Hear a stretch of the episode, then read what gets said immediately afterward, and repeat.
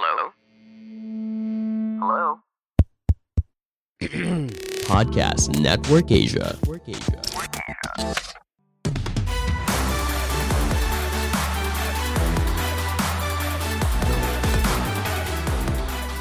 Episode kali ini masih episode lanjutan barengan sama kami Diara Disti.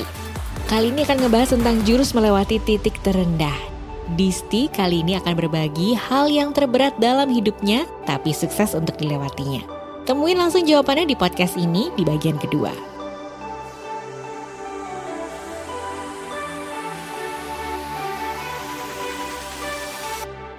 Nah, kita ngobrol-ngobrol lagi sama Kak Bidia dan Disti. Kalau di episode sebelumnya, Disti cerita tentang perjalanan karirnya, walaupun cuma singkat, kita udah tahu backgroundnya. Terus Disti juga udah cerita tentang tantangan-tantangan yang dihadapi menerima sebuah pekerjaan yang baru yang tidak biasa. Mungkin juga teman-teman juga gitu ya. Dan semakin banyak kita dapat tantangan yang baru, semakin bertumbuhnya kita. Kalau Disti karena memang mantan atlet, endurance-nya jago. Jadi cepat sekali adaptif sama orang.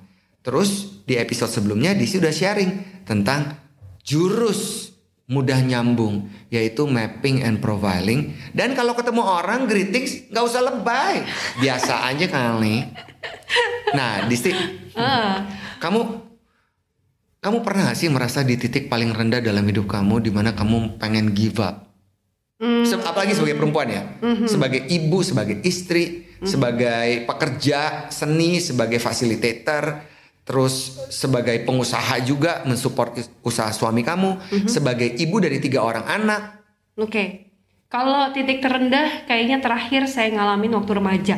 Titik Oh, oke. terendah tuh Remaja, remaja. SMP berarti? SMP ke SMA. Oke, Jadi itu kayak goyah banget karena urusan keluarga sebenarnya. Hmm. Oke. Yang bikin saya makin kuat.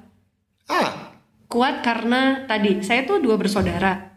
Saya punya kakak laki-laki, sekarang udah jadi pilot, udah sukses. Tapi sebelum jadi pilot, pernah ngalamin jadi supir taksi.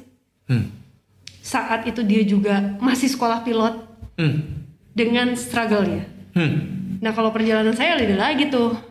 Kalau eh, saya ini di kondisi-kondisi berat saat itu, cuman mikir, saya bertahan sampai berapa lama ya? Waras atau gila? Saya Serius? gitu. Sampai ada Sampai di titik itu. Seberapa kuat saya bertahan di sini saat itu? Berarti berat sekali untuk anak umur Hmm, 3 SMP. ya, karena itu maksudnya- peralihan dari SMP ke SMA. Iya, iya.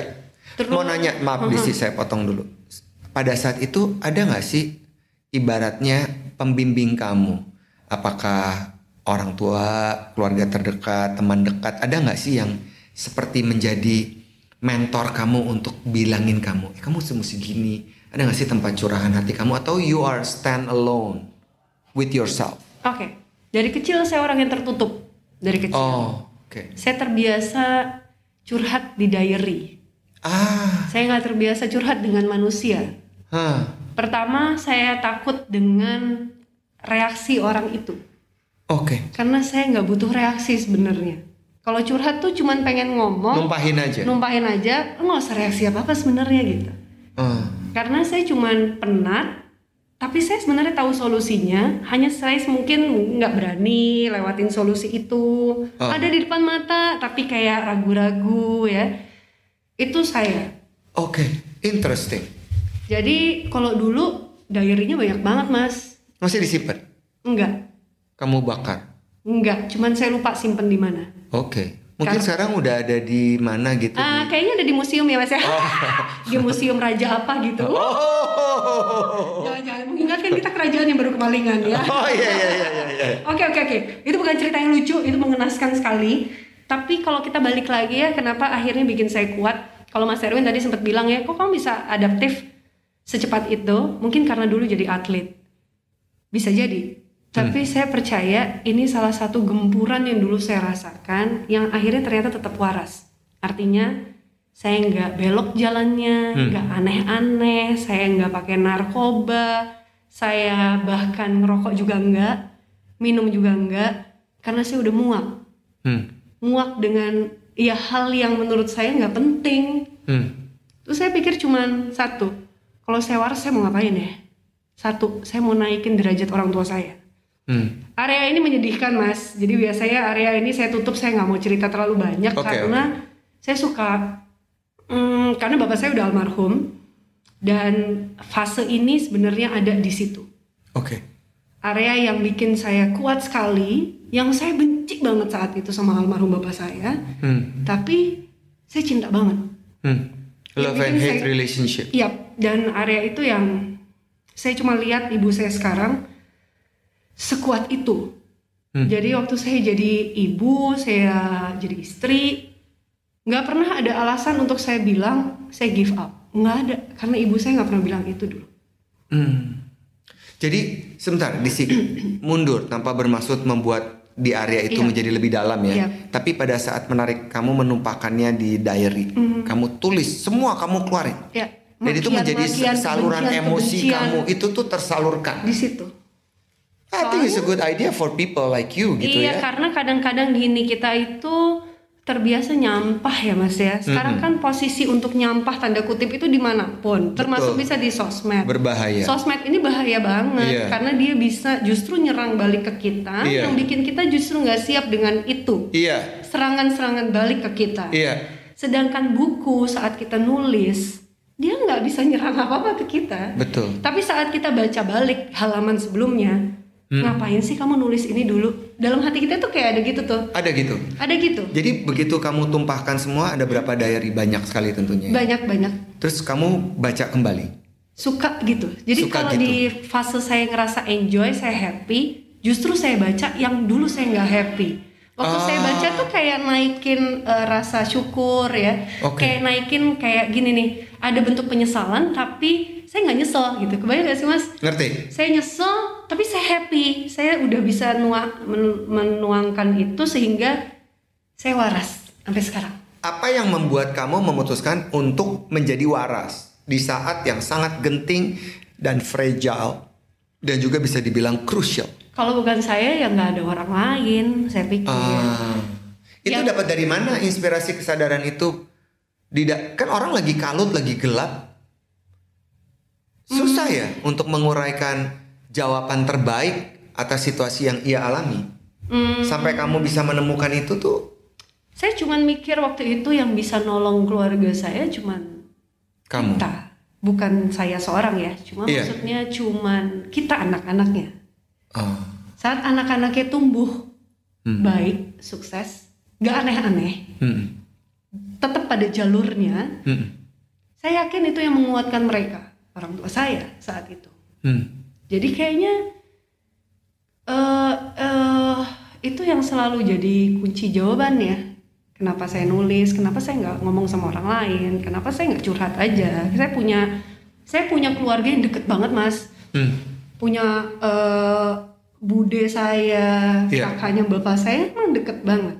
Tapi areanya untuk dukung saya, bukan untuk saya curhatin. Jadi hanya support dan Support. be there for you Iya. tanpa berkata-kata Mhm. sesuatu yang Nggak dialami saat itu. Iya, gitu. Kamu memilih untuk itu. Iya. Mereka memberikan banyak sekali penawaran kan ke kita untuk udah ke sini pindah yuk, yuk kita sekolah yuk di sini yuk gitu Iya. ya.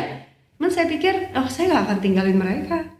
Iya. Saat mereka pindah saya ikut pindah gitu. Jadi Iya. ya itulah fase-fase itu yang bikin saya uh, apa ya?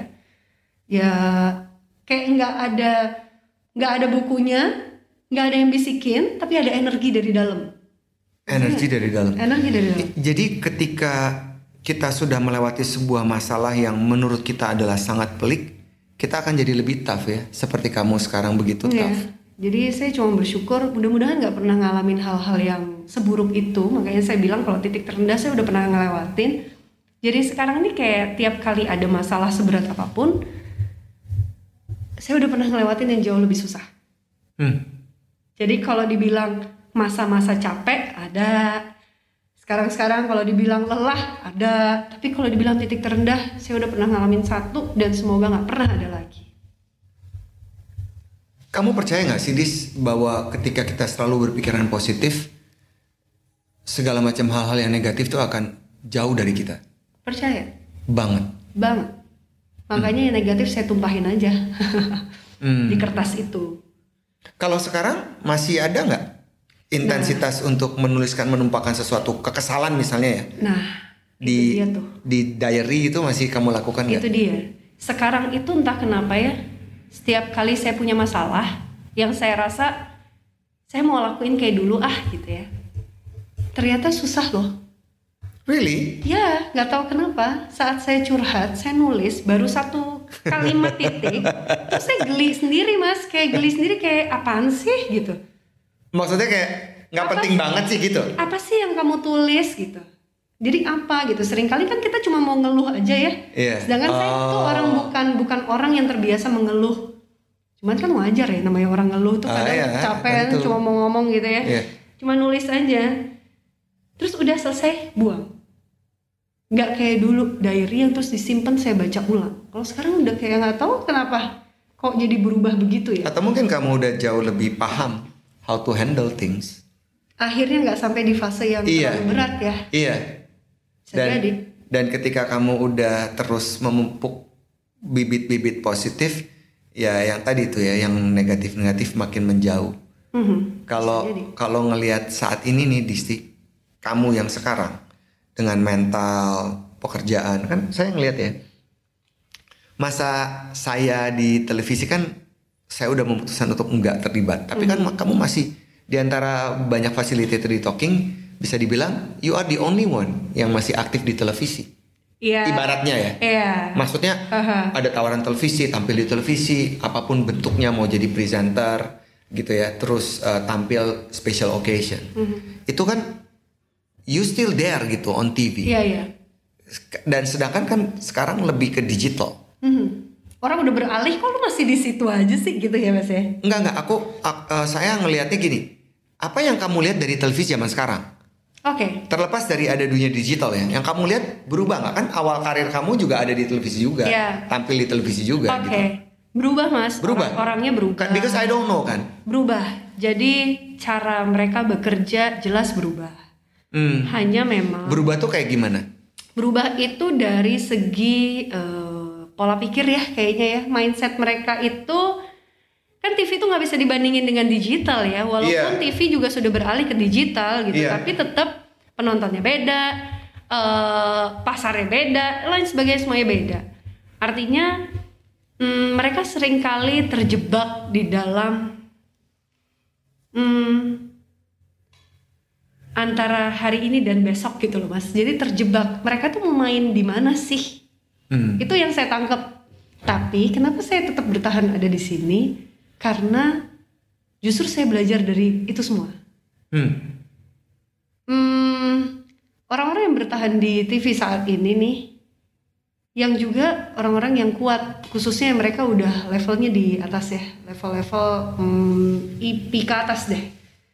Mereka kuat sekali. Hmm. Karena- Jadi artinya mereka yang di bidang produksi membuat program-program tuh Iya. udah melewati masa-masa sulit yang panjang. Iya. Gempuran dari dunia digital Uh-uh. membuat mereka tetap bertahan di televisi dan membuat mereka secara mental lebih kuat iya, gitu kan ya. Iya, karena mungkin juga nggak ada pilihan lain Bisa. ya. Karena nggak ada pilihan lain, ya udah gue bertahan deh. Tapi Iya. dari bertahan itu mereka belajar banyak yang akhirnya bikin kita yang juga masih bertahan yang sering kali dianggap orang-orang oh udah senior, udah senior. Mm-mm. Apalah artinya senior junior di TV gitu ya? Nggak ada menurut saya. Nggak ada, Nggak karena ada. yang bicara adalah kemampuan kita. Iya, betul. Saat kita bicara kemampuan itu terus berkembang. Yang tadi Iya. kalau Mas Erwin bilang kan bertumbuh, emang benar. Mm-mm. Dan loyalitas Mas, Hmm. loyalitas ini sering kali bikin orang setia. Saya sih Hmm. percaya itu. Kan ada orang yang memang perubahannya cepat gitu ya. Oh, viral, viral, viral, viral selesai. Nah, terus orang lupa. Lupa. Tapi saat kita loyal dengan gaya yang sama, Hmm. terus kemudian karakter zamannya apa kita nggak ngikutin tren, dianggap usang, tapi sebenarnya kita kuat di situ, ya orang nyari. Akhirnya ada captive market ya. Iya. Ada komunitas yang terus nempel sama kita gitu kan? Iya, Karena walaupun kita, juga loyal. Iya. Ah. Dan eh, komit. Hmm. Nah, untuk Komitmen. komit itu juga nggak gampang sih ya. Iya. Jadi nggak mudah goyang, nggak mudah tergoda. Uh-uh. Ya committed aja. Iya. Pokoknya I have to do the job, I have to accomplish the job. gue mesti maksimal 100%. Apa pun yang gue jalanin, kekurangan nggak fasilitas mungkin nggak sebaik dulu atau yang nggak seperti gue bayangkan, ya gue committed jalanin pekerjaan gue sepenuh hati gitu ya. Iya, happy ngejalaninnya kayak udah jadi salah satu hobi aja kalau itu Hmm. Iya. lewat kurang eh kayak ada yang ketinggalan nih kayaknya gitu. Itu udah udah jadi eh, bahkan kalau sekarang kan TV itu jadi etalase kita untuk tanda kutip jualan kita di off air. Betul Iya, ya? iya, iya. Jadi saat kita masih muncul di TV orang masih Betul. percaya, eh masih laku nih Masih komedian. eksis, masih, masih ada. eksis nih gitu ya. Iya. Dan area itu bikin orang ya itu tadi percaya dan percaya dan kita tinggal buktiin aja bahwa berusaha yang terbaik. Ka- kalau saya kan di awal tahun 2000-an udah mutusin nggak mau lagi tampil di TV. Saya tahu awal tahun mungkin karena udah kenyang ya, udah lama gitu. Udah melewati macam-macam. Kalau kamu ada pikiran gitu nggak? Sekarang belum. Belum ya. Pernah Oke. pernah waktu itu ya waktu ham- hamil anak ketiga. Saya sempat mikir begitu. Oke. Cuman cranky Mas ternyata. Kayak Ada kebutuhan yang perlu disalurkan Iya, dengan kayak- tampil di televisi. hmm, iya, bukan tampilnya, tapi kerjanya. Kerjanya. Jadi beda Ah. tuh. Ada orang yang memang pengen tampil supaya dikenal. Kalau saya lebih ke kerjanya. Saya suka Ah, kerja Hiruk dengan pikuknya. ke kesibukannya, Iya. kehebohannya, nyiapin ini itu sendiri. Makanya itu juga salah satu alasan kenapa semua dihandle sendiri oleh saya. Really? Iya mas.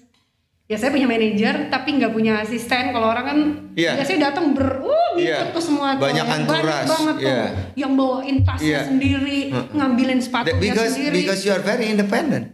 Karena saya menyukai hal-hal kecil Oh. itu. Jadi itulah mungkin keanehan yang orang lihat kok sendirian, makeup sendiri, rambut sendiri. Ya karena saya happy ngejalanin itu. Kalau saya nggak kerja, masa saya di rumah make up? Kayaknya enggak. Iya iya iya nggak nggak ada kesempatan itu ya. Nggak jadi kesempatan itu. Bisa sih tapi orang gila aja di rumah dandan. Kalau sekarang mau bisa tampil. jadinya untuk ngajar ya. Kalau Iya. ada kelas bisa Iya. tuh. Saya sambil dandan, Wow. makeup, dan itu yang bikin saya happy. Jadi setiap orang tuh punya kesukaan masing-masing. Mungkin teman-teman sekalian dalam pekerjaan saat ini juga merasakan hal yang sama. Atau mungkin kok gue nggak bisa kayak Simba Disti ya. Nah lu cari deh, lu cari deh. Karena gini ya, kalau tadi kita dengerin ceritanya Simba Disti ini pernah melewati masa yang sangat tidak menyenangkan dalam hidup. Justru itu membuat kita menjadi lebih kuat, menjadi lebih tough dan mencintai sebuah proses. Nah, episode yang ketiga yang terakhir nih, saya akan gali tanya, apakah perlu sih tiap orang tuh berubah-ubah? Kami dia Radisti ada di TV sebagai seorang presenter, kami dia Radisti ada sebagai seorang MC di atas panggung, kami Radisti sebagai komentator olahraga, atau kami Radisti sebagai seorang fasilitator. Itu kan role-nya beda-beda ya. Ini kalau mau ditarik relevansinya dengan teman-teman sekalian, dalam pekerjaan, dalam membawakan diri, dalam di rumah, di masyarakat, role kita pun berbeda-beda. Mau tahu jawabannya? Ala Disney, abis lusa. Oke, lusa ya. Bener nih, Lusa, nih. Lusa lusa. ya, oke. Thank you Disney. Thank you Mas Erwin. Pandangan dan opini yang disampaikan oleh kreator podcast, host, dan tamu tidak mencerminkan kebijakan resmi dan bagian dari podcast Network Asia. Setiap konten yang disampaikan mereka di dalam podcast adalah opini mereka sendiri dan tidak bermaksud untuk merugikan agama, grup etnik, perkumpulan, organisasi, perusahaan, perorangan, atau siapa pun dan apa pun.